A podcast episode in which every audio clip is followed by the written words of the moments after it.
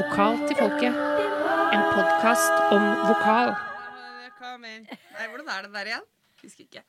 Da var vi på, ja. Ja. Hjertelig velkommen til Vokal til folket. Podkasten du elsker å elske.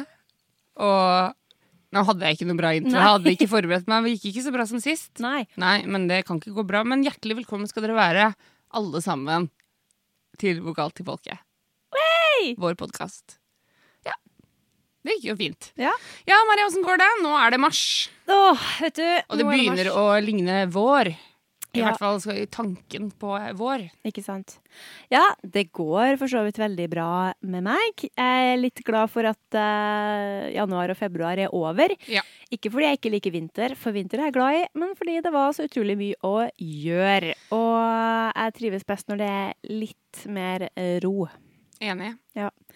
Du liker jo arbeidet, det er ikke det, men det må ikke hopes opp. Nei, altså, jeg er et arbeidsjern, jeg. Jeg har jo hatt en tolvtimers arbeidsdag sammen med deg. Det har du absolutt hatt. Og det går kjempefint, men når det er liksom tusen forskjellige ting som, som ligger liksom og, og plager meg og gjør at det blir liksom så hektisk, det, da blir jeg sur. Ja. Enig. Og så er det jo en del ting man ikke får tid til Ja. når, når det hoper seg opp sånn. Sånne vanlige ting Ja. som er litt slitsomt.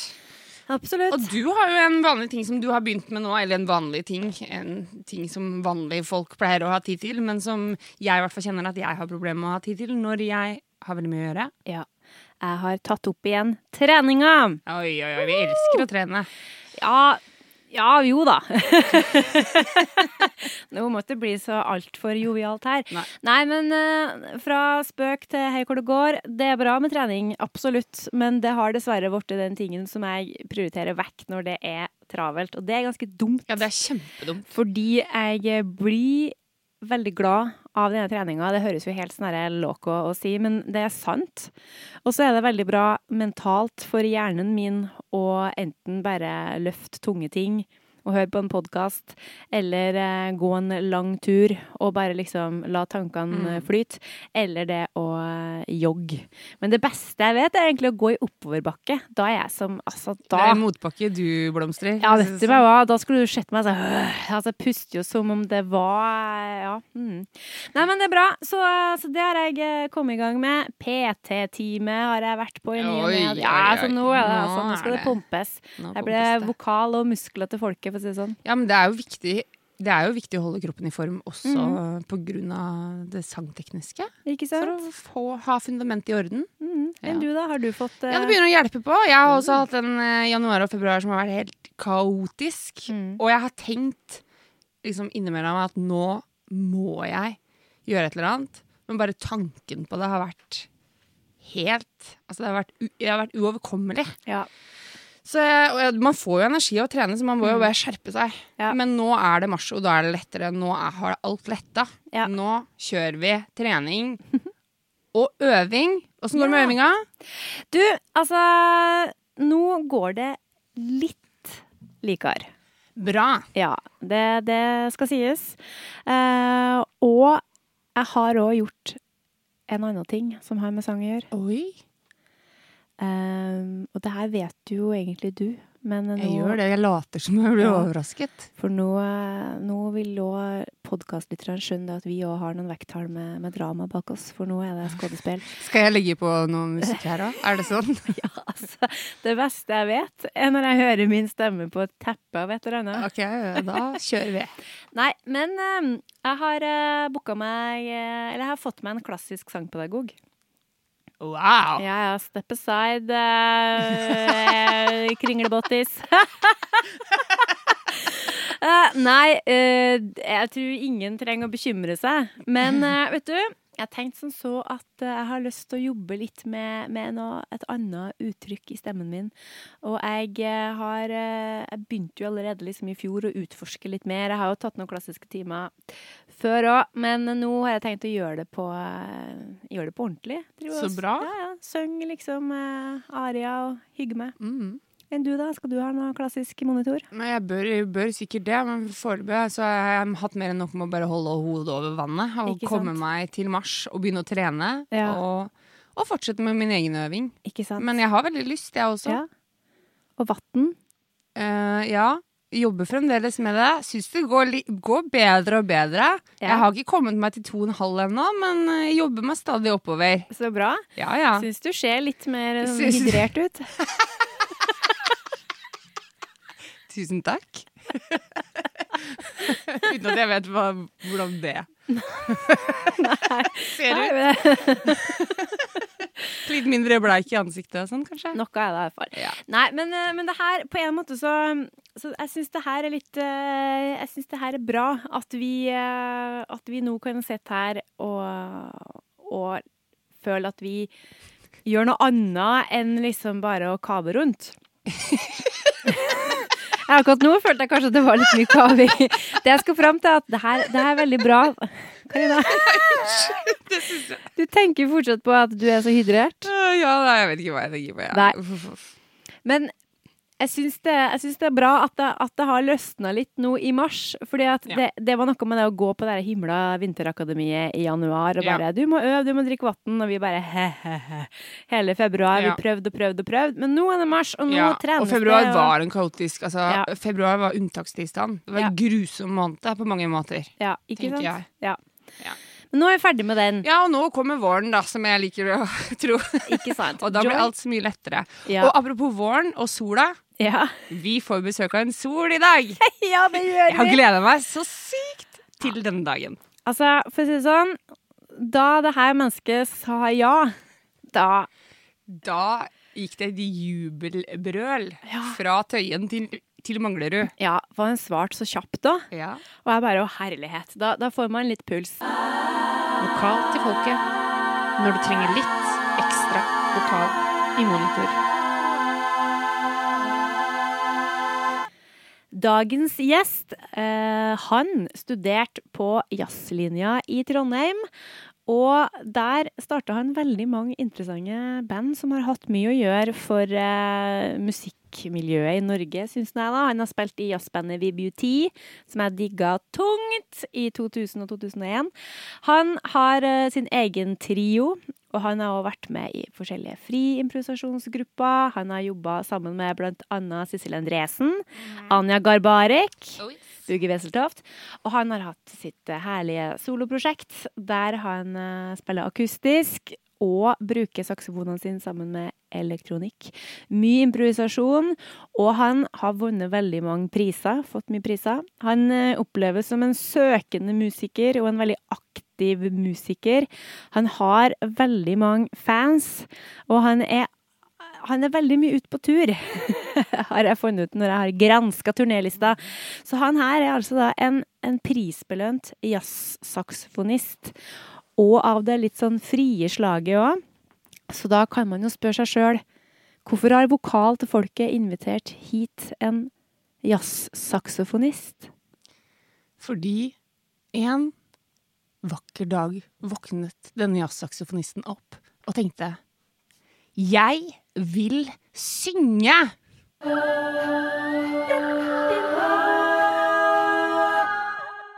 Hjertelig velkommen til Vokal til folket, Håkon Kornstad! Hei, hei. Ja! Endelig er du her. Endelig var jeg her. ja. Du, det er så stas at du hadde lyst til å komme på eh, besøk til oss. Er du spent nå? Ja, litt. Det er veldig stas å bli invitert. Så bra. vi begynner der. Ja, vi begynner der. Altså, ehm, jeg har jo hatt en innledning eh, om deg, der jeg snakker litt om at det er liksom jazzsaksofon som har vært din greie i lang tid. Og nå vil du synge, og da lurer jo vi på en del rundt det. Kan du fortelle oss litt om hvorfor ville du liksom begynne å, begynne å synge? Og hvorfor var det liksom Hvorfor var det opera? Hadde ikke liksom Hva med noe Sinatra Classics? Hadde ikke, var det ikke det gøy?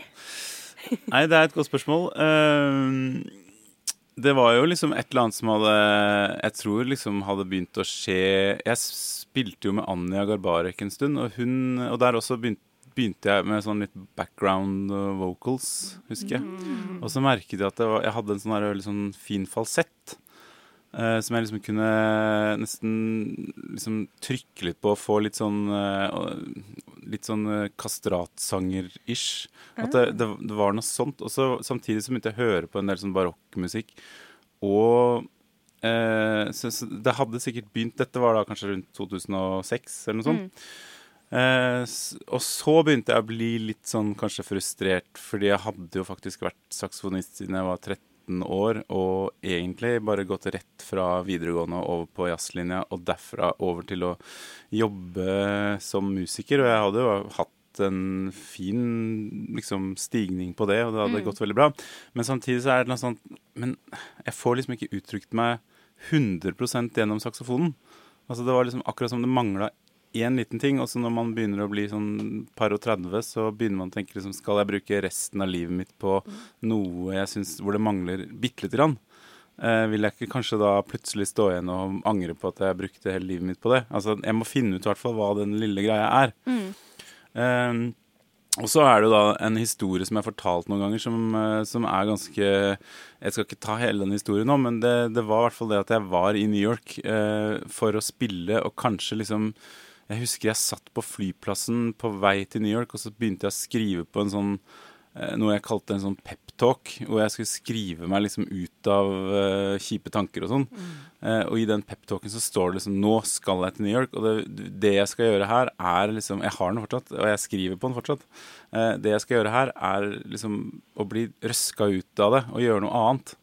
Men jeg visste ikke hva det var, så jeg kom på noen ideer da, på den peptalken om at jeg f.eks. skulle møte noen folk som spilte noe helt annet, at jeg kunne spille med noen folk i popverden, at jeg kunne jobbe med noen kunstnere, jobbe, liksom et eller annet sånt da. Men det slo meg ikke at det skulle bli opera, og det slo meg ikke at det var jeg som skulle synge. Så gøy! ja. Jeg kjente jeg fikk litt sånn tårer i øynene når jeg liksom sier at ja, jeg fikk ikke ut alt jeg ville si. Jeg bare, og så var det liksom, så var det sangen som skulle til. Det her er veldig bra, altså. Ja. Det må jeg si. Så da var det jo Det som skjedde da, var jo at det var en kompis av meg som var i New York, og som ringte meg, en norsk fyr som, eh, som jeg egentlig ikke ville henge med folk jeg kjente allerede. Jeg ville jo egentlig bare Ja. liksom Møte treff- nye. Ja, møte Ja. nye. For det var det jeg trodde skulle liksom få meg videre. Eh, og så spurte han om jeg ville være med i operaen, og det hadde jeg jo egentlig ikke noe sånn forhold til. Altså Jeg syns ikke opera var noe fint i det hele tatt. Og i likhet med veldig mange andre jazzmusikere så hadde jeg en veldig sånn forutinntatthet om at det var veldig sånn banka inn i stein og kjedelig og møllspist, eller lukta møllkuler og alt dette her. Eh, men jeg ble med, fordi at jeg liksom tenkte at det er jo morsomt å treffe han og sånn. Og så fikk jeg en skikkelig sånn bakoversveis-opplevelse. Og så tror jeg det var et eller annet som bare sa klikk, og som sa at dette her kan du Altså akkurat som noe som sa at dette her kan du få til, på en eller annen måte. Altså noe som bare snakka til meg. Eh, jeg skjønner ikke hvem det var, for det, det Altså, når man ser på det i ettertid, så Ja. har det ikke akkurat bare vært lett. Det var vokalguden, Ja. tenker jeg. Det finnes jo en egen vokalgud. For sånn så er det jo sånn at man da bare hopper ut i det, ikke sant. Så møtte, men det var masse sånne tilfeldigheter som gjorde også at jeg møtte en uh, operasangerinne et par dager etterpå. Etter den opplevelsen. Eller et par uker kan det også ha vært, jeg husker ikke så godt. Men, uh, og, og så spurte jeg henne om hun visste om noen lærere, eller hvordan man liksom bare kunne prøve seg på Ja. opera. Mm.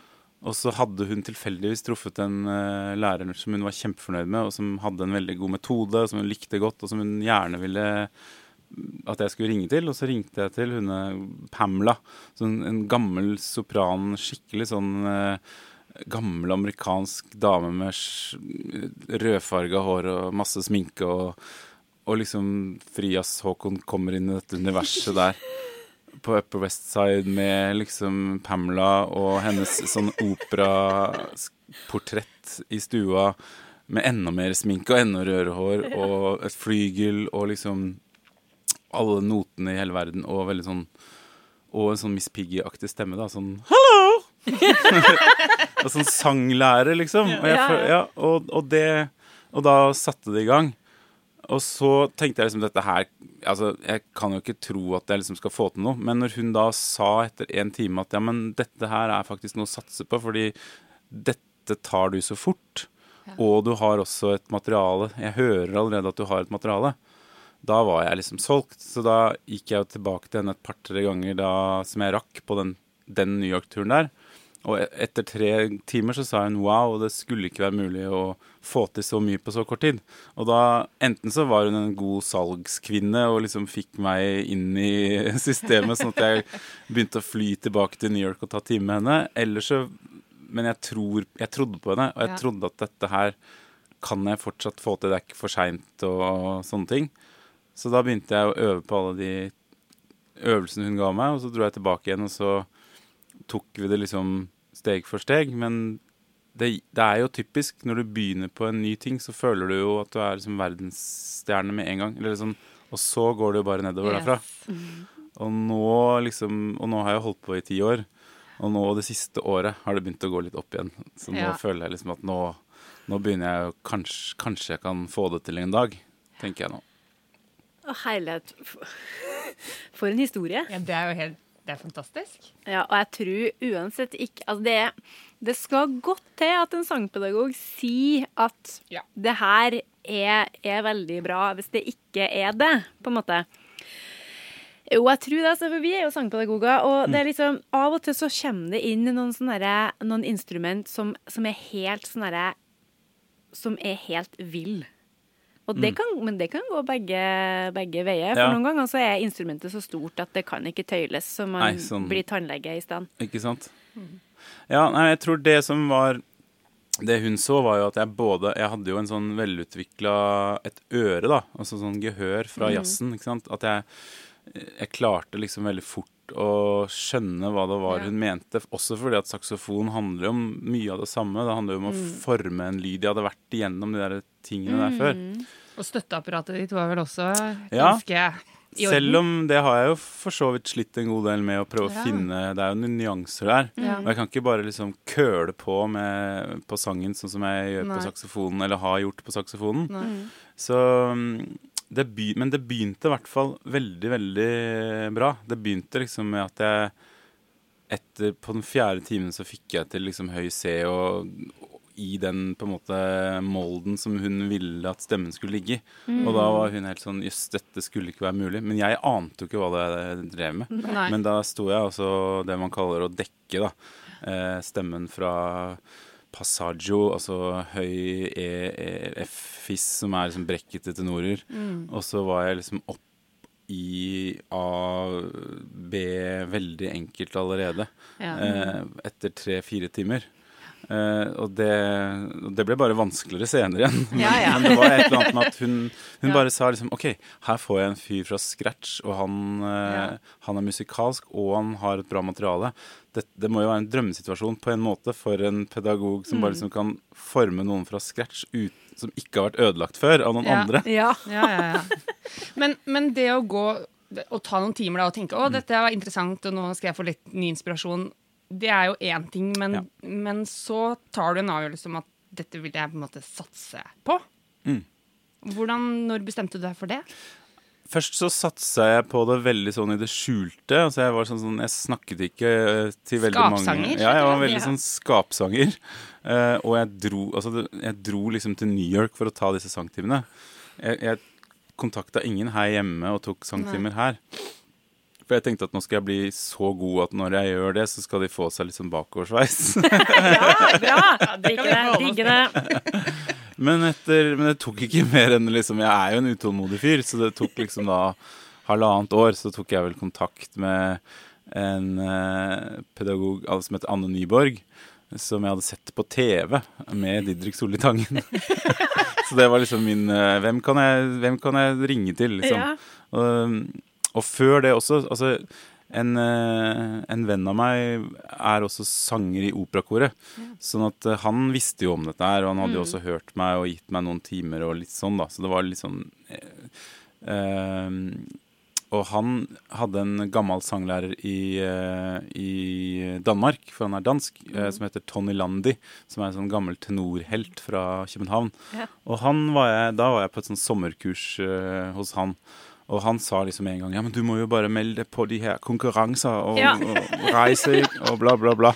Eh, så, og det var også en sånn liksom checkpoint for om jeg skulle satse på dette her. For jeg begynte jo å se reaksjonen til folk når jeg Ja. sang. Og jeg prøvde det jo også litt grann ut live. For eksempel så hadde jeg en sånn duokonsert med Ingebrigt Flaten, som eh, akkurat har fått Buddy-prisen ja, fra. Jazzforum. Bra. Yay. Eh, og da sang vi, eller da gjorde vi sånne folkemelodier og salmer, og så på slutten der så sang jeg Akk Värmland du skjøna. Og det, den ref, liksom den eh, responsen der jeg fikk Ja. der, da, den var også sånn med på liksom, Det var også en sånn punkt som jeg kunne hake av på at sang Det er bare Ja, sang gjør noe mer med folk enn saksofon. Når jeg driver, altså på en eller annen måte. Vet ikke. Ja. Ja. Altså, ja, det, ja, fint sagt. vi, er, vi er jo enige. Vi elsker saksofon også. Ja, vi gjør det. Ja, det gjør vi. Eh, men du bestemmer deg også for å utdanne deg.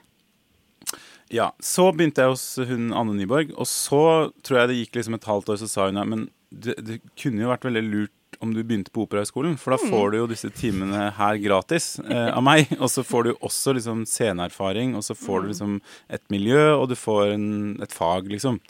Så da prøvesang jeg der, og kom inn der. Ja, men, ja, men det er sånn, Tenkte du at når du gikk på opptaksprøve der at nå kjører jeg, her skal jeg gå? Eller hadde du troa når du gikk? Jeg hadde veldig trua. Jeg hadde Ja. troa der, og så hadde jeg troa i København, hvor jeg prøvesang, men ikke kom videre til første runde engang. Eh, eller andre runde, da.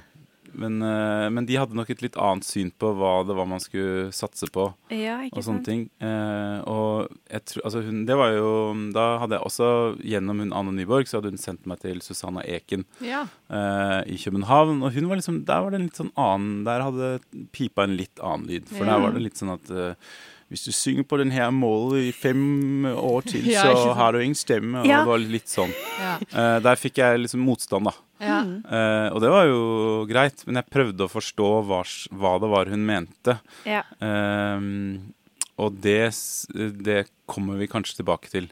Fordi så begynte jeg på Operahøgskolen, Ja. og så ramla hele greia. men- Korthuset. Men hvor eh, Altså øh, Jeg må faktisk bare spørre om alder. For hvor, hvor gammel var du da du begynte på Operahøgskolen? 32. 32 Nei, år. Nei, jeg var 32 da jeg begynte å synge. Jeg var 34. 34 år. Men, eh, men også, du gikk jo òg på jazzlinja. og da var det jo da var det sånn vanlig alder. Sånn, Da var jeg 19. Ja. Men hvor mange år gikk du der? Der gikk jeg to år. Ja. Mm. Hæ, bare to? Ja, jeg, jeg, var helt sånn utrolig utålmodig etter ja. å komme til Oslo. Og Blå, den klubben, åpna ja, jo i 98, City og Bugge Wesseltoft ville ha plateutgivelse yeah, yeah, yeah. med oss, og vi hadde et band som vi trodde på. Det var liksom sånn, og så begynte det å bli litt sånn mye sånn kantinesliting. eh, og den der første liksom sparken av den energien som var der de to første årene, begynte liksom å ebbe ut. Sånn at eh, jeg var liksom fornøyd etter mm. to år der oppe. Ikke sant. Så, men jeg gikk jo tre år på Operahøgskolen, så jeg har Ja. egentlig mer utdanning Ja, i opera. Ja, og det, det her er interessant. Men du har jo utrolig mye erfaring da som jazzmusiker, det skal sies. Ja. Og utrolig mye kred. ja, Eh, Vi har jo snakka litt om det i, det, i den innledninga som du ikke har hørt. ja, ja, ja.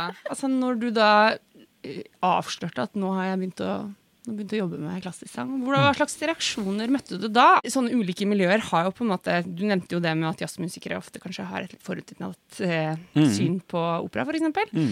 Um, så du kan jo ikke ta deg sjøl så veldig høytidelig, da, på en måte. Hvis du som, som en jazzmusiker med mye kred, og du har jo hatt en veldig bra karriere som Mm. jazzmusiker, og så starter du med noe sånt, da, da tenker jeg da gjør du det fordi det er noe du har behov for.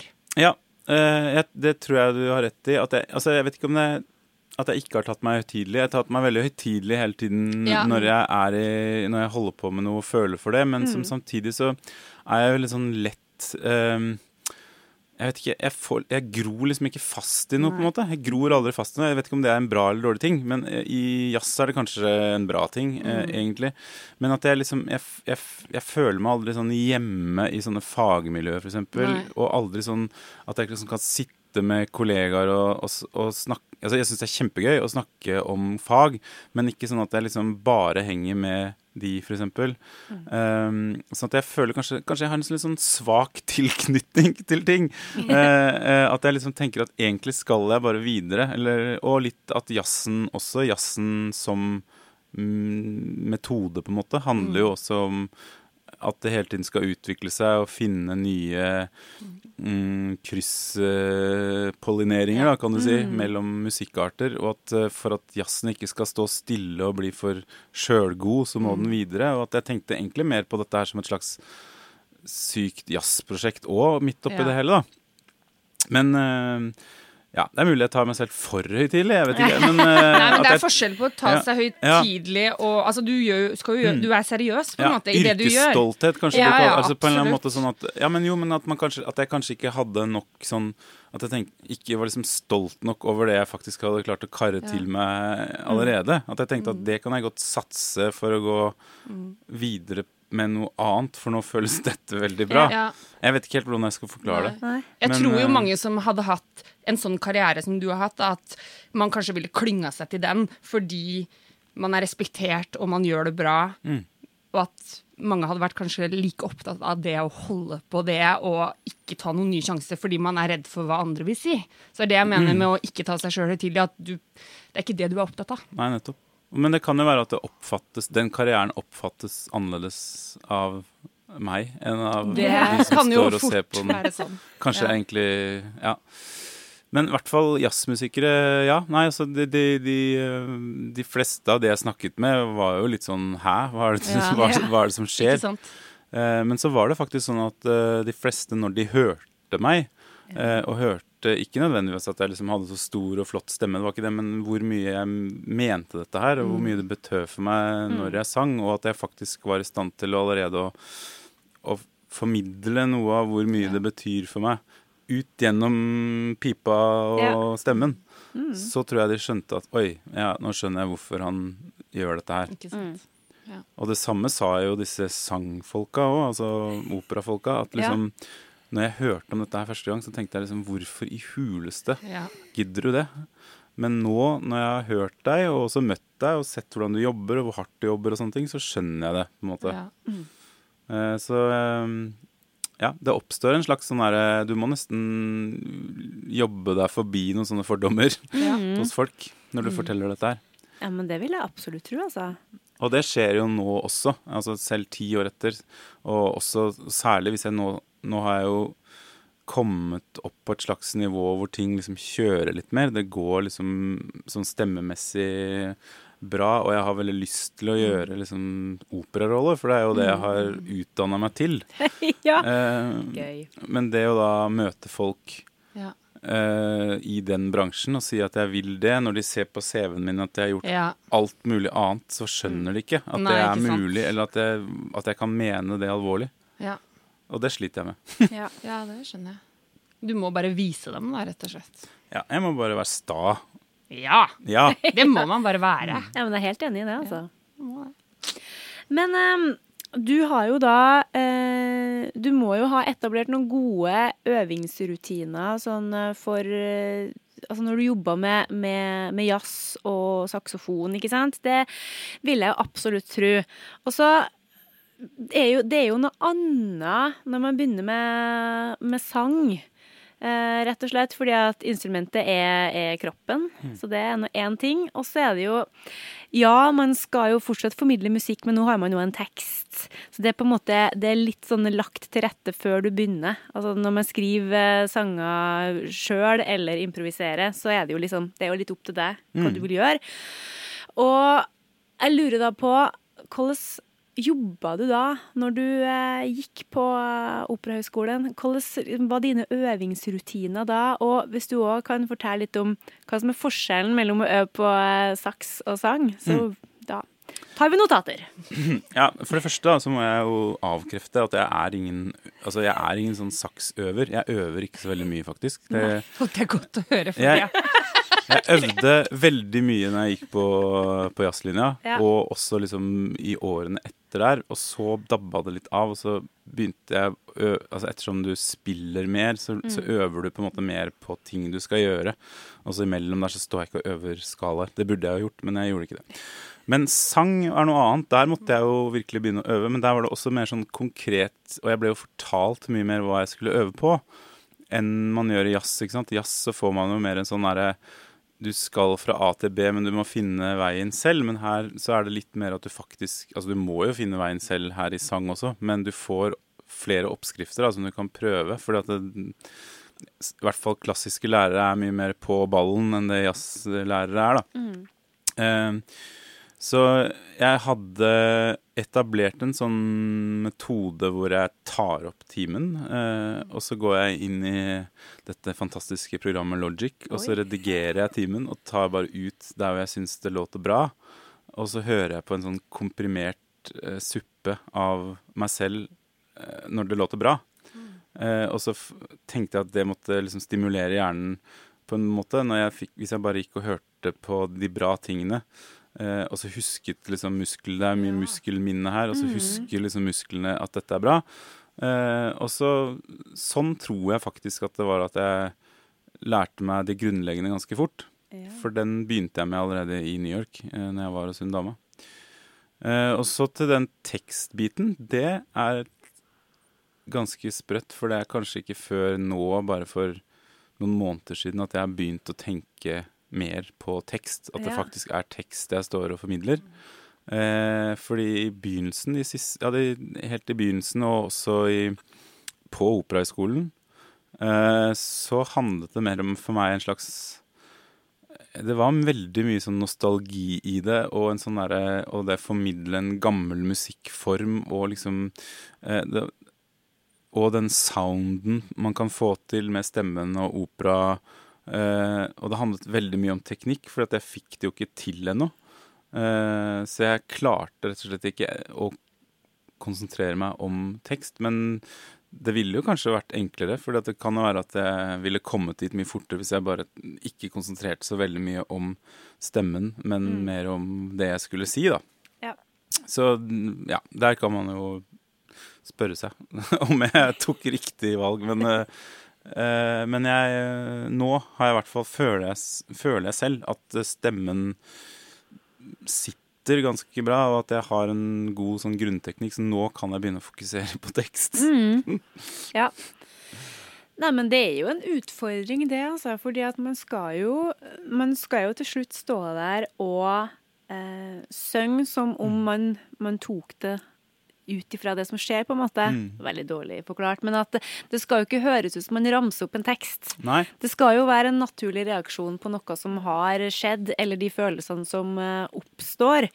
Og, det, og da må man jo gå såpass i dybden på, på både den karakteren eller rollen man spiller, og teksten man skal ha frem, at det da oppleves oppleves naturlig. Og det er det som kanskje har gjort at Det er det kanskje som, som skiller liksom, gode sangere fra dem som jeg ikke Altså, dem er sikkert gode, dem òg, men dem som jeg syns er interessant å høre på, da. Mm. Dem som klarer liksom, å fortelle meg noe.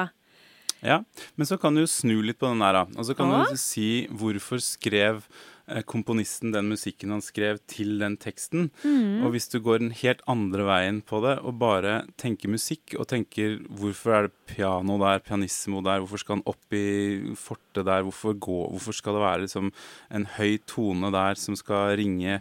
Eh, og hvis jeg gjør alt det og får det til å låte bra, eh, og ikke kommer i veien for det med noen masse rare fakter og geberder og grimaser i trynet, så holder ofte det for Ja. eh, at folk får den Da får de den, det som komponisten ville si, da. Ikke sant? Så det er en, på en måte den andre retningen eh, å tenke på det.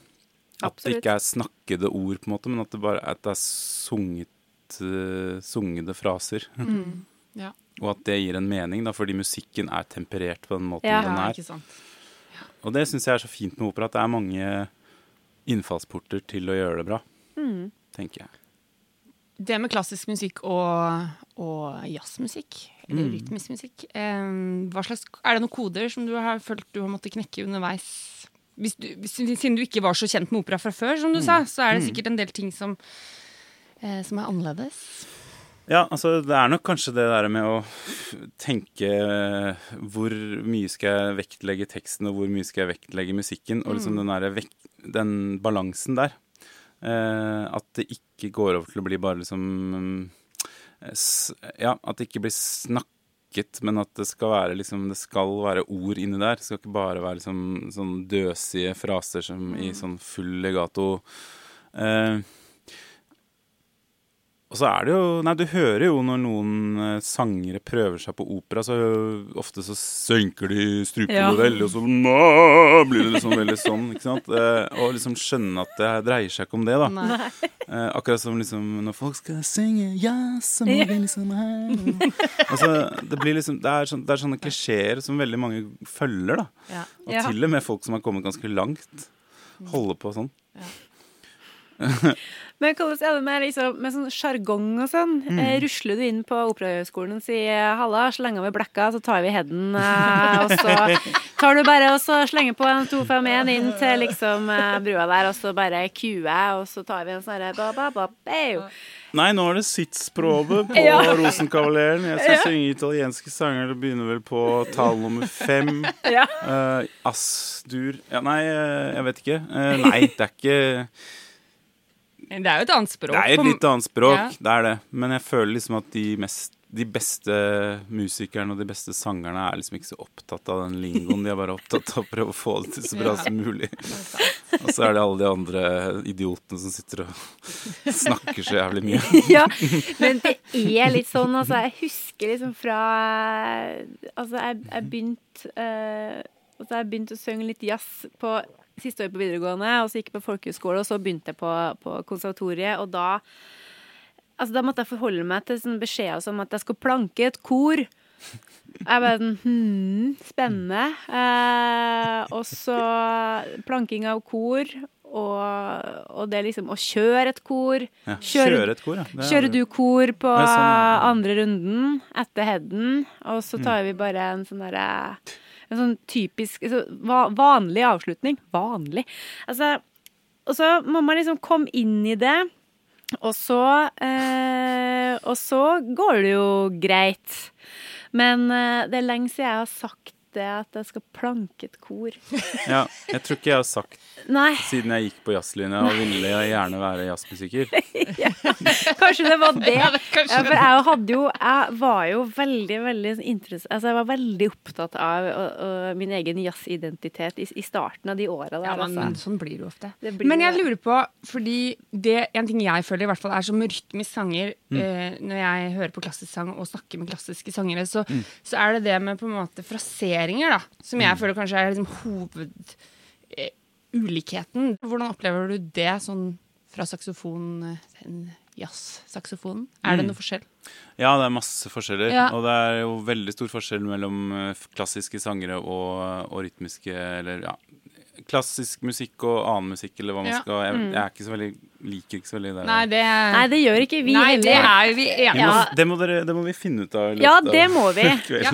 Ja. Neida, men, eh, i hvert fall eh, fordi klassiske sangere ofte er så veldig stemmefokuserte, og fokusert på teknikk og fokusert på at det skal sitte riktig i stemmen. Ja. Og også, eh, hvis det er opera f.eks., så er de eh, enda mer fokusert på at det skal projisere gjennom Yes. over et orkester uten mikrofon. Ja.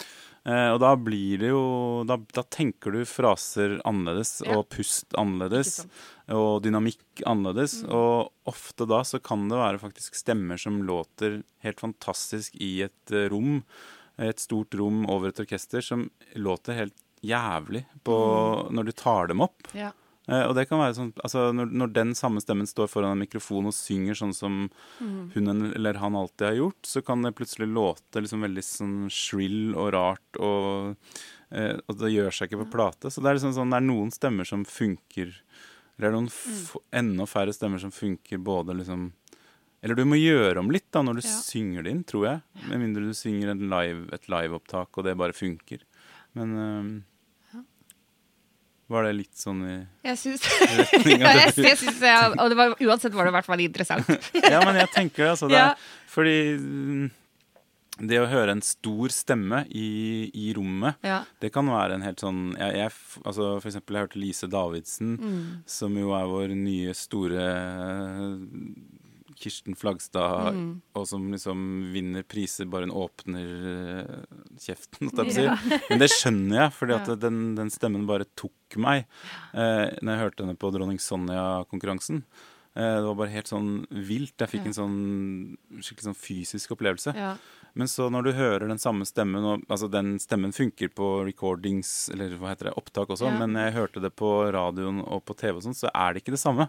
Nei. Eh, Du får ikke de samme Du får ikke det samme overtonene og sånne ting. Nei. Det, er, det ser den. Nei, er, Så jeg skulle jo gjerne betalt noen hundre millioner for å Det har jeg ikke, da. Men noen, Nei, ja, alle sparepengene mine da, for å hørt liksom Pavarotti live, eller ja.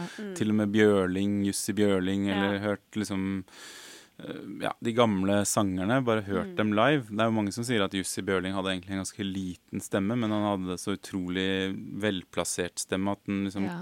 Køtta gjennom orkesteret likevel. Eh, men det var ikke noe sånn at liksom, folk måtte virkelig sitte med ørene på stilker for å høre. Og særlig de større operaene. Men det var bare at det var så vakkert. Ja.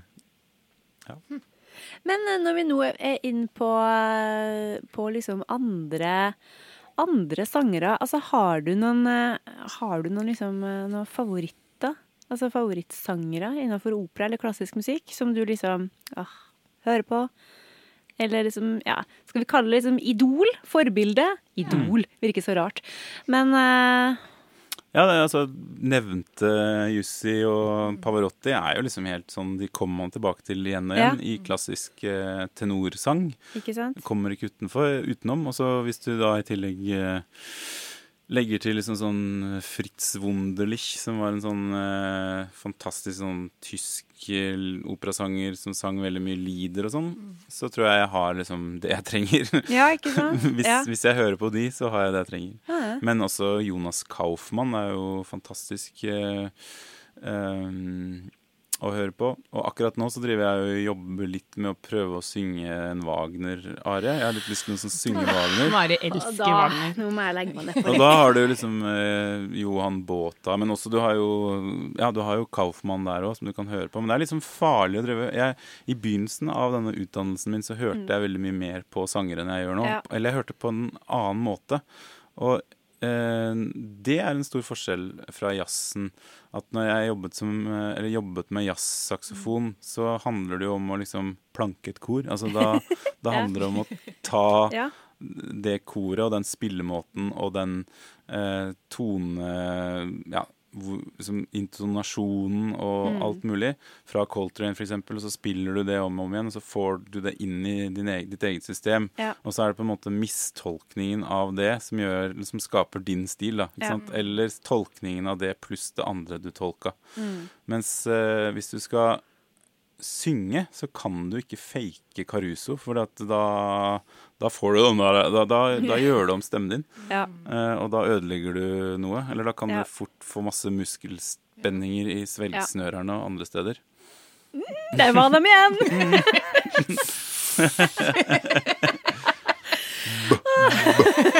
Ja, ikke sant? Det er veldig bra. bra. Altså, Mm, mm, altså, vi sender dere en sånn der eh, stemmeøvelser med. Kornstad-video etterpå. Men, ehm, men ehm, altså Du har jo da som tidligere nevnt, så er jo du da berømt eh, jazzsaksofonist. Det har vi jo sagt så mange, mange ganger nå, og det liker jeg å si, merker jeg. Og da spiller du jo på jazzklubber og, og litt forskjellig. Um, men nå vil du på operascenen. Er det det som Er det, er det, det Har du slutta å spille saksofon? Nei! Nei, har jo ikke det, vet du. Nei? For nå kombinerer du litt. Ja, jeg kombinerer. Jeg syns jo det er det som er meg, da, egentlig. ja. Altså, eh, jeg kombinerer. eh, I november så ga jeg ut en plate med trioen min, som er kjempegøy å spille med, med Frode Haltli på akkordeon og Mats Eilertsen på bass. Eh, og da tar vi jo tak i som operaarer og klassiske lieder og alt mulig rart, og bare vrir og vrenger på dem og utvider der vi vil, og kutter det vi ikke liker, og ja, bare behandler det som det det er, nemlig musikk. Ja! Eh, ikke som Gud eller noe. Amen! Og, og jeg synger det fullt ut eh, med klassisk teknikk og liksom en klassisk interpretasjon. mm. og, men likevel så improviserer jeg litt her og der og legger inn litt eh, mine egne sånne som, som egentlig sangere gjorde mye, mye mer. Ikke Altså klassiske sangere også. Ja. Det var jo forventet at klassiske sangere skulle kunne improvisere. Ja. Hvis du går tilbake Klassiske musikere generelt. Ja. Altså. Det var jo kjempevanlig med improvisasjon. det, jeg, Noen som har fortalt meg at det fins Mozart-noter hvor det står liksom Hvis du har null fantasi, så kan du spille det som står her. Ja. Altså, Ja. Det der har jeg hørt òg. Ja. så, men eh, nå roter jeg meg helt bort. Nei, du har Eh, rotet deg ikke bort. ikke roting, Det her alt er relevant. Men hva snakka vi om? Vi Vi snakka om plata di.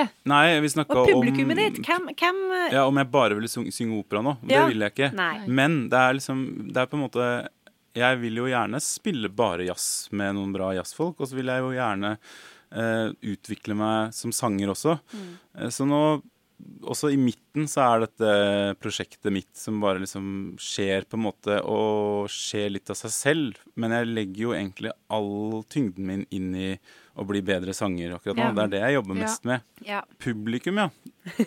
Ja. Hvem er publikum? ja. Eh, nei, det er et godt spørsmål, fordi at jeg, jeg føler liksom at det er litt vanskelig å selge det prosjektet mitt sånn foreløpig, da. Altså, har blitt litt, det er liksom blitt litt lettere og litt lettere til sånn jazzfestivaler og sånn, men det er veldig mange som sier nei, dette er ikke noe for oss. Eller altså, vi liker ikke opera. Eller Nei. vårt publikum liker ikke opera. Men hvis, jeg tror ikke de har liksom gjort en sånn under, spørreundersøkelse som, Nei. og baserer den kunnskapen på det. For jeg, fordi de jeg møter av mitt publikum, det er ofte kanskje litt eldre folk, da, men de liker veldig begge deler. Og, Ja. Og syns den kombinasjonen er veldig spennende og morsom. Og sier at eh, de trodde ikke det gikk an å høre noe ny musikk i 2019, Nei, men Nei, dette var liksom nytt, syns de, da. Ja. Men så har jeg jo samtidig møtt f.eks. hvis du skal til en moderne festival, så ville ikke de synes at denne musikken er moderne, fordi jeg jobber jo med mye romantisk eh, materiale og, og lider og sånne ting. Og i utgangspunktet så høres jo det veldig umoderne ut for dem. Men så er det Jeg mener jo at det er veldig nyskapende, da, er det jeg gjør. For det er måten jeg bruker eller Ja. uh, forvalter den musikken på, som, og også forteller den historien på, eller også bruker den musikken på, som er det nye. Ikke nødvendigvis musikken i seg selv. At det må ikke være bing, blang, eller, Det må ikke være sånn mange rare Nei. lyder og sånn. Uh, det, ja. Ja, Ja. ikke sant. Så det er en litt annen måte å tenke Moderne er også et skikkelig gammelt ord. Da. Altså, moderne er jo egentlig Sykt umoderne. sykt umoderne. Ja. Ja. Så vi må finne et nytt ord på det Ja. også. Ja, for jeg bare Jeg syns jo det er litt rart at ikke det her prosjektet blir altså At ikke det blir innlemmet på, dere, på jazzfestivaler. Fordi at jazzprofilen her Ja. til lands er jo Hva er den nå for tida? Ja, hva er den? Ja, det You tell me. Ja, for det, det begynner å skli ut, altså. Jeg Mm. har ikke vært på jazzfestival på det jeg kan huske på, for det er jo ikke der du nødvendigvis får hørt Yes. jazz. Nei. Nei, men det er jo det, er- ja, det er jo mye moderne. Nå følte jeg meg eldgammel. Nei, men du vet nå når podkasten kommer ut, vet du, nå da folk går jo mann av huset for å booke deg inn, Ja, ja. vil jeg tro. Jeg Altså, jeg skal ikke klage, jeg har masse å gjøre, jeg, altså. Ja. Men jeg må si at det er veldig gøy å se hvordan eh, jeg faktisk får en god del gigs på klassiske festivaler. Ja, og at de er veldig åpne, og de har veldig lyst til å jobbe videre. Og Så sånn som, bra. når jeg akkurat starta et uh, veldig morsomt samarbeid med Det Norske Kammerorkester. Who would think, liksom, som, eh, som gjerne vil at jeg skal jobbe med de og lage Ja, jobbe med dette crossover-prosjektet vårt, da. Ja. Um, Kryssover sa jeg vel kanskje også fordi vi spilte på en fantastisk ny festival i Moss som heter Crossover. eh, som presenterte blant annet dette her. Men også andre jazzmusikere. Flere og flere jazzmusikere jobber jo med klassiske musikere nå. Ikke sant? Absolutt. Ja. Ja. Um, så det er jo en ny Det er jo det nye, det nå, syns jeg. Ja, ikke sant? Du har skapt en ny trend. Jeg er med på det. Vi- Ja. Sånn er det. Sånn er det når man er eh, så god som du. Jeg syns jeg må si at det er veldig Altså, hvis noen har sagt til meg eh, da jeg var 20 at ja, ja, bare vent du.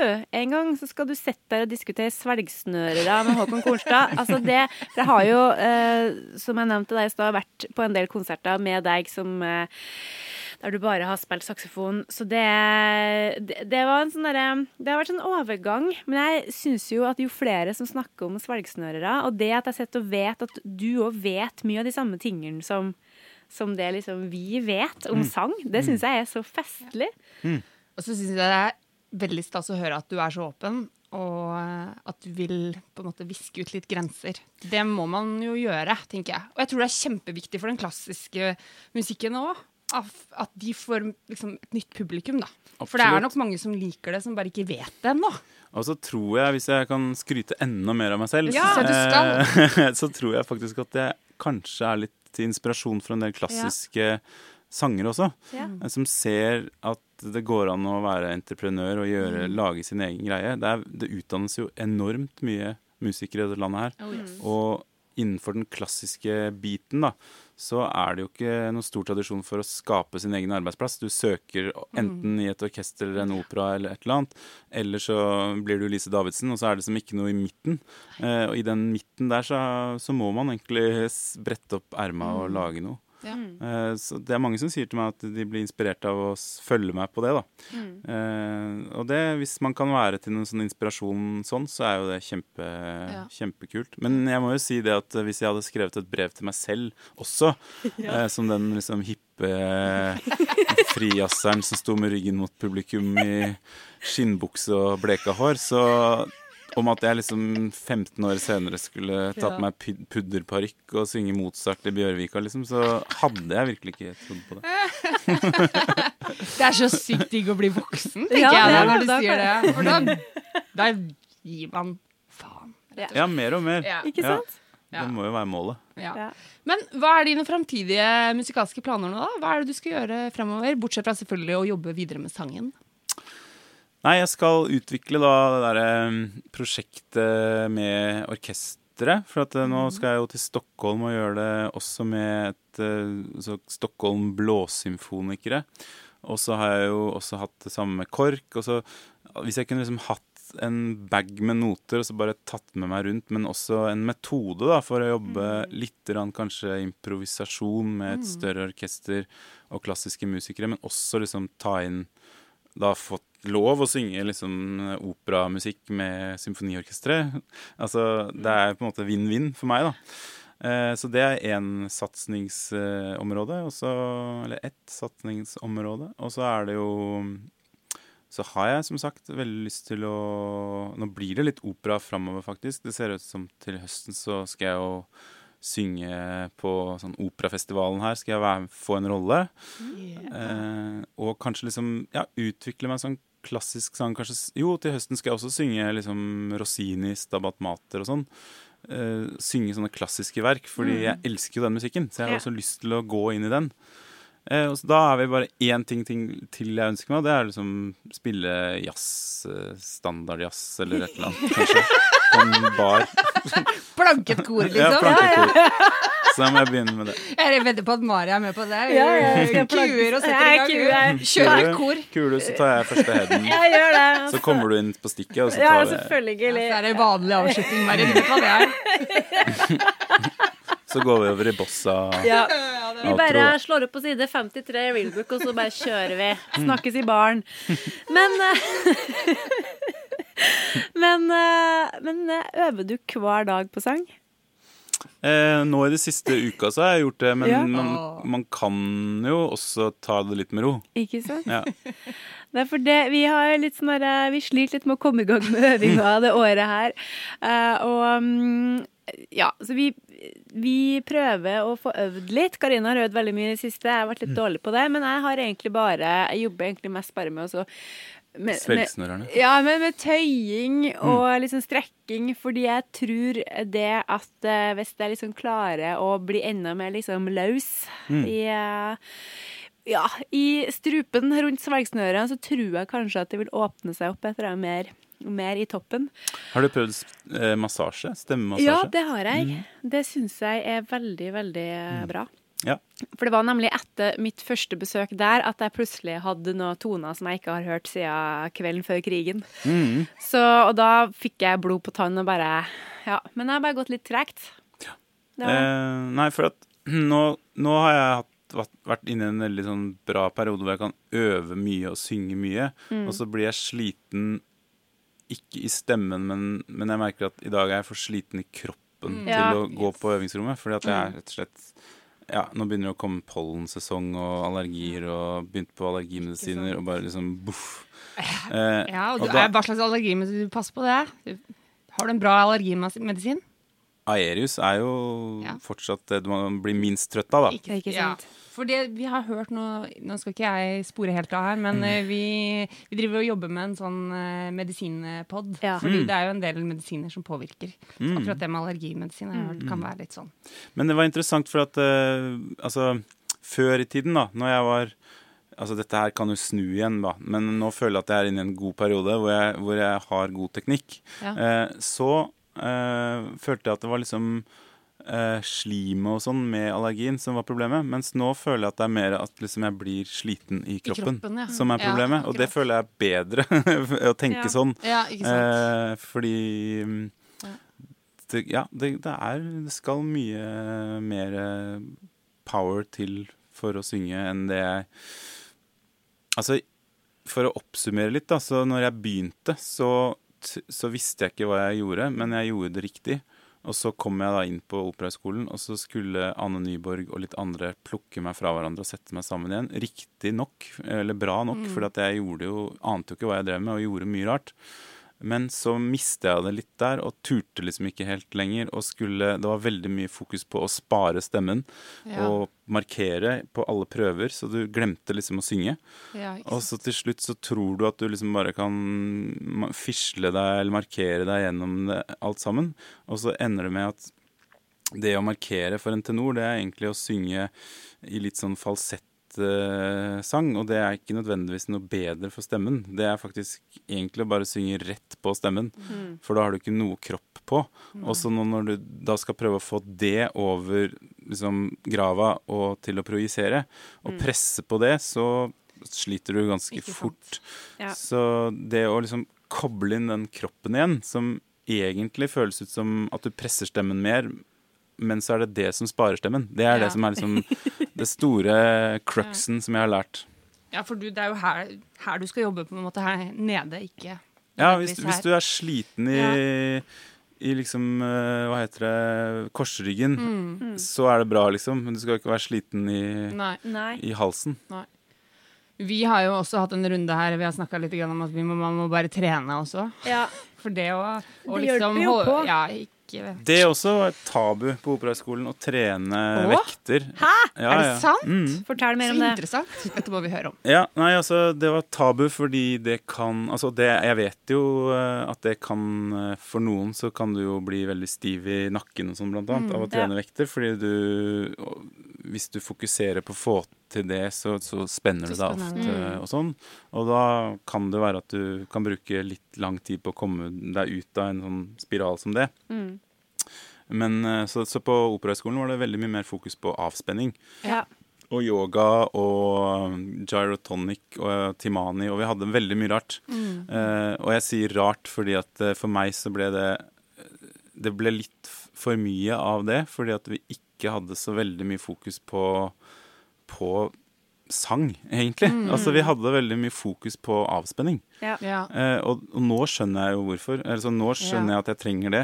Mm. Eh, Vi trenger det, men, men vi trenger også å spenne oss opp Ja. og spenne opp buen og synge. Dette er jo akkurat det som Susanna Eken sa på Vinterakademiet, for hun snakka om det. At sang krever en ekstra energi. Det er noe annet enn å snakke, da. Mm. At det krever en energi som på en måte er noe helt annet enn den dagligdagse hei, Ja. hei hvor det går. Ikke sant? Mm. Så det med avspenning, det skal man gjøre, men man må, man må også finne den ekstra energien og jobbe Ja. med den. Det kan oppleves som litt Ja. brutalt å skulle synge. Ja. Fordi at Ja. det er ikke Altså Hvis man hører på Filmavisen da fra liksom 50-tallet Så snakket man sånn som dette, og det var veldig mye mer Der var man i den stemmen der hele tiden. Jeg tror folk som snakker Hvis du hører Kåre Willoch, som blir altså, Han har snakket sånn hele livet. ikke sant? Altså Disse gamle snakket sånn. Man snakket sånn på markedet, eller jeg vet ikke hvorfor. Kanskje man måtte snakke høyere fordi det bråkte mer på verftene, eller jeg altså, aner ikke. Men i hvert fall eh, Du var kobla på, da. Ja. Eh, mens nå skal vi liksom være så veldig sånn altså norsk, Og norsk språk også. Ja. Det sitter jo langt Ja. bak i halsen. Men ja, jeg tror avspenning er bra, men jeg tror man må vite hva man skal avspenne seg for. Ja. Ja, veldig enig. Så når vi da hadde tre typer forskjellig avspenning, så blir det liksom Ja. som ja, å komme på en restaurant og Nei, nå, ja, jeg har ikke noe bilde på det, men altså, Nei. det blir som å få en meny som bare, som bare har dessert, da. Eller Ja, sånn, ikke sant. Ja, jeg skjønner jo det med, med liksom stiv nakke og sånn, men jeg tenker jo at en, altså, vedlikeholdsstyrketrening, da, tenker jeg, at man på en måte er liksom At man ikke blir svakere, men liksom holder ved like. Det, det må jo være bra, tenker jeg da. Ja. Men at selvfølgelig, altså, ja Nei, jeg skjønner det jo. Samtidig så Det her føler jeg vi må Det må vi finne ut mer om. Det her var litt interessant. Eller litt, det var kjempeinteressant. Ja. Mm, takk for tipset. Jeg var jo på liksom Hadde en sånn prøve-PT-time som jeg fikk med et sånn nytt medlemskap. eh, Ja. Og hun viste seg å faktisk være sammen med en sanger og hadde masse tanker om trening for sangere. Oi, dette henne. mennesket må vi få navnet på! Etterpå så må vi, altså den mennesket her, må, Ja, må dette Må vi, dette mennesket må vi snakke med. Ja. Det er interessant, altså. Mm. Fordi det der med, med sånn pilates og yoga og timani har jeg hørt veldig mye om at det er Spesielt timani, at det funker, at det funker veldig bra. Det kan jeg ikke så mye om, men det skal vi jo òg Det vil jo bli en pod om. Jeg bodde jo sammen med ti... Nei, jeg, jeg tok over leiligheten til Timani, altså Tina Margreta Nilsen, eh, da jeg gikk og studerte jazz i Trondheim. Fordi hun studerte jo piano der. Hun er veldig kul, og jeg digger at eh, hun får til så mye med det. Ja. Fantastisk å rett og slett sette i gang med noe som blir så viktig for eh, så mange musikere. Ikke sant? Ja. Men det er veldig bra, altså. Det, for det er, jeg, blir veldig, jeg blir veldig glad når sånne som Susanne Eken sier det, at det å synge, det er, det er tungt. Mm. Og så blir jeg jo veldig glad for når, eh, når du òg sier det, at det, skal, det koster litt, ikke sant? Da Mm. blir jeg så glad for det her.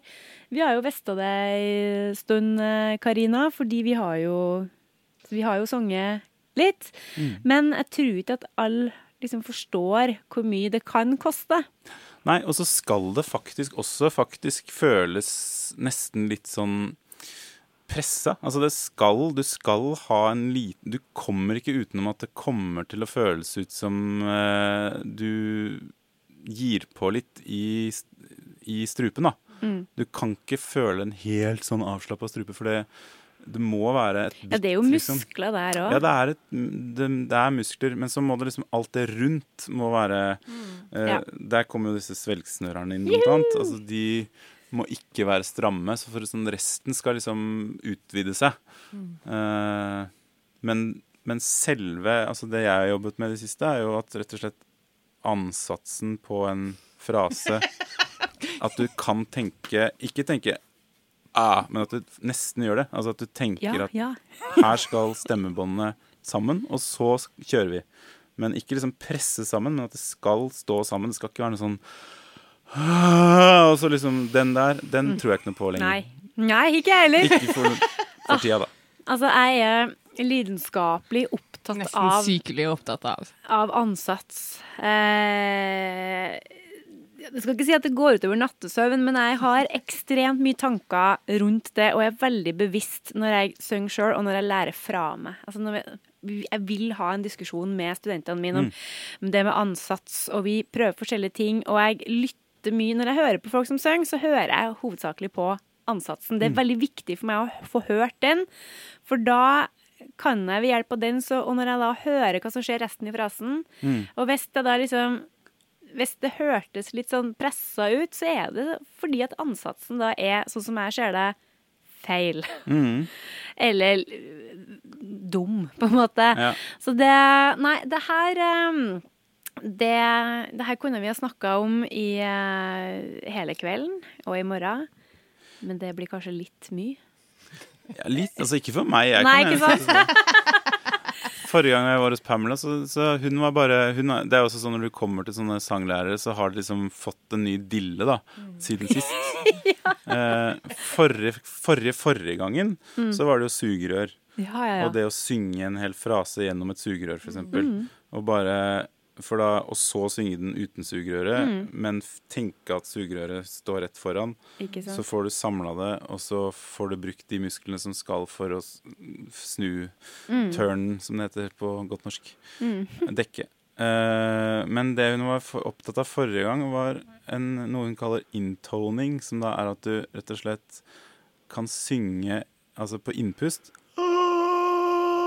Og så hvis du bare snur den uh, utover og kobler på litt nese og får Så har du på en måte tilgangen på en, en ganske ren ansats, da. Så kan du liksom Ja. utvikle det, da. Ikke sant? Eh, så hun snakket om en sånn eh, It's like a revolving door. like a restaurant door. Ja. Så ser jeg for meg en sånn der diner i Ja. Upper West Side. Så,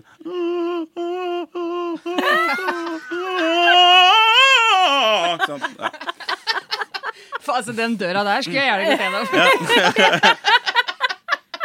Det kommer mye eh, godsaker ut av den døra der. jeg ønsker at vi bare filma de her podkastene her. Burde folk ha sett, altså. For nå er det, Veldig, stemning.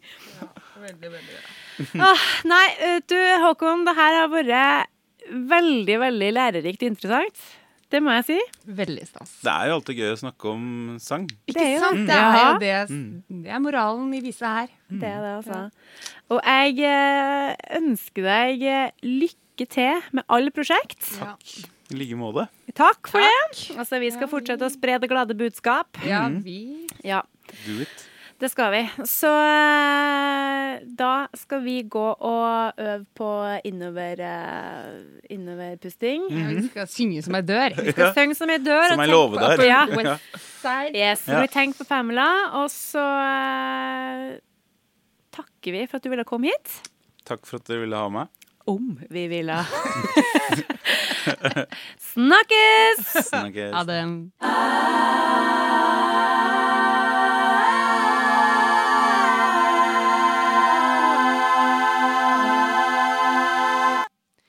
Da har Håkon gått. Det var dumt. Han kunne jo gjerne bare blitt her. tenkte jeg. Ja, for vi liker Håkon Kornstad. Altså, for, en, for en mann. Ja, vet du, Han kunne bare ha vært her og snakka om ting Ja, med han kunne vært her. Bare vært med på alle, på alle episodene og Ja. tilført ting. Enig. Ja. Det er så rart, og eh, altså, som jeg sa i, den, eh, i intervjuet òg, så er det bare Det er så utrolig inspirerende og, og, og litt sånn herre out of this world. At han at det, er liksom, at det er opera. Og hør på hvor seriøs han er, og når han snakker om ting som vi vet om! ja. Ja, men det syns jeg er helt fantastisk. Ja, det er gøy. Ja. Og så blir det jo litt sånn her at uh, han har jo en del tanker om uh, om hva skal jeg si, om kunsten sin som er litt annerledes fordi han starta å synge da han var 32. Ja. Han, tar, han begynner liksom på de studiene da etter å ha hatt en annen karriere og holdt på ei stund. Ja, og den karrieren. For det ville han jo liksom ikke prate så mye om selv. Eller, øh, men det er jo en, litt av en karriere. Ja, Altså, han er en veldig, veldig dyktig saksofonist. Absolutt. det er ikke til å komme fra. Nei, og han er veldig, veldig Altså, jeg vil s- Jeg mener jo at han er veldig, veldig kjent, men det er klart at liksom Magda, som driver med, med høns, Ja, Magda, ja! og liker Ja. liksom Lillebjørn Nilsen Det er ikke sikkert at hun har vært på så mange Nei. gigs. Men, eh, men i miljøet så er han stor, Ja. og i utlandet òg. ja også, men, men jeg synes det som er fint med det, er å høre at han er jo i en prosess sånn som alle er. Og som sikkert liksom verdenskjente eh, musikere også er. At, at man er alltid på, i en prosess, og at man er på vei et sted, og at man ønsker å utvikle seg. Og man tenker ikke på sin egen karriere som på en måte at man har mye kred, eller at man liksom er stor. Man tenker hele tiden prosess, og hvor Ja. man skal, og hvor man vil, og hva man har behov for. Og det er kjempebra å høre det. Ikke at man sant? ikke hviler på sine laurbær. Nei. Og det at når det ene instrumentet ikke får sagt alt Så må man synge. Nå skulle jeg egentlig si noe annet, men det trenger jeg ikke. for det er veldig bra. Ja, altså, jeg satt og bobla inni meg når hun snakka om det. liksom At nei, jeg, jeg må gjøre noe annet. Jeg må synge. Det er bare da, da, da, da. Jeg følte det burde kommet noe sånn herre Yes. da, da, da, da, ba, ba, da, du, du, du, du, Og så videre. Jeg kan jo se hva jeg kan gjøre igjen. Nei, men det her, er, det her er veldig Det her var en veldig, veldig fin eh, Veldig, veldig fin prat. Altså, jeg er så glad hun ville komme til oss. Det er jeg også. Mm. Vi kommer til å fòre dere med spennende linker, eller eh, ja, ting vi har fått fra Håkon. Ja. Så at dere kan bli bedre kjent med han. Ja, For det anbefales virkelig. Og speaking of anbefalinger, eh, Mhm. si meg en ting, Karina. Har du noe du har lyst til å dele med fansen? Ja, det er jo min tur til å ha månedens anbefaling. Og da tenker jeg at jeg vil følge opp det Håkon snakka om. Det her med å ta opp seg selv i en øvingssituasjon. Ikke nødvendigvis kanskje bare i en øvingssituasjon også, men det kan være eh, også en konsert, f.eks. Mm. Det er et veldig bra verktøy for å høre seg selv utenifra. Ja. Og han redigerte det jo. Ja, han er jo pro. Ja, ikke sant? Eh, men det tror jeg kanskje òg ikke er så dumt, altså. At eh, det er jo veldig mange som tar opp sine sangtimer, og det, det syns jeg er helt topp. Men det er klart at man da har sangtime i 45 minutter, så det blir jo mye sånn utenomsnakk òg. Og så kanskje hvis man har tilgang på litt ymse redigeringsmuligheter, at man skal lage, liksom, prøve å komprimere det litt. Og så syns jeg det var interessant det der med at han, han liksom komprimerte det til det som var bra. For veldig ofte når jeg tar opp meg selv, så er jeg veldig opptatt av det som er feil. Ja. Eh, og at jeg liksom fokuserer på det. Og det kan jo være bra, men det å fokusere også på det som er eh, som fungerer, og kjenne og høre etter hva fungerer nå, og kjenne, kjenne på det liksom sånn i muskel... Kjenne på det i muskelminnet. Mm. Ja. Enig. Det, er- det er lurt. Det er Så det er en oppfordring fra meg til Ja. dere og til meg selv. Ta opp øvingene deres, konserter, hør på det. Putt det inn i Logic. Eller garasjeband. hvis, hvis du har en for gammel maskin som ikke tar, tar Logic. Så, og rediger det. Hør på det. Lytt på det på bussen. Rett etter at du har hørt neste episode av Vokal til folket. Din favorittpodkast på verdensveven. Yes. Så fram til vi høres igjen i april, så er det jo bare vår eh, vante oppfordring. Følg oss på Facebook, på Mhm. Instagram, eh, hjemmesida vår. Og kom gjerne med tips til hva dere har lyst til at vi skal ta opp her i podden. Hvis det er noen spesielle gjester vi burde ha snakka med. Eh, for vi, vi liker jo å ha kontakt med dere der, podkastlyttere. Det gjør vi. Det er jo mer som en samtale, det her. Ja, vi liker jo i hvert fall å tro det. Ja. Så snakk med oss på interwebs, og vi høres i april. Og ikke glem å drikke vann, da, folkens. Drikk vann. Ha det! Ha det.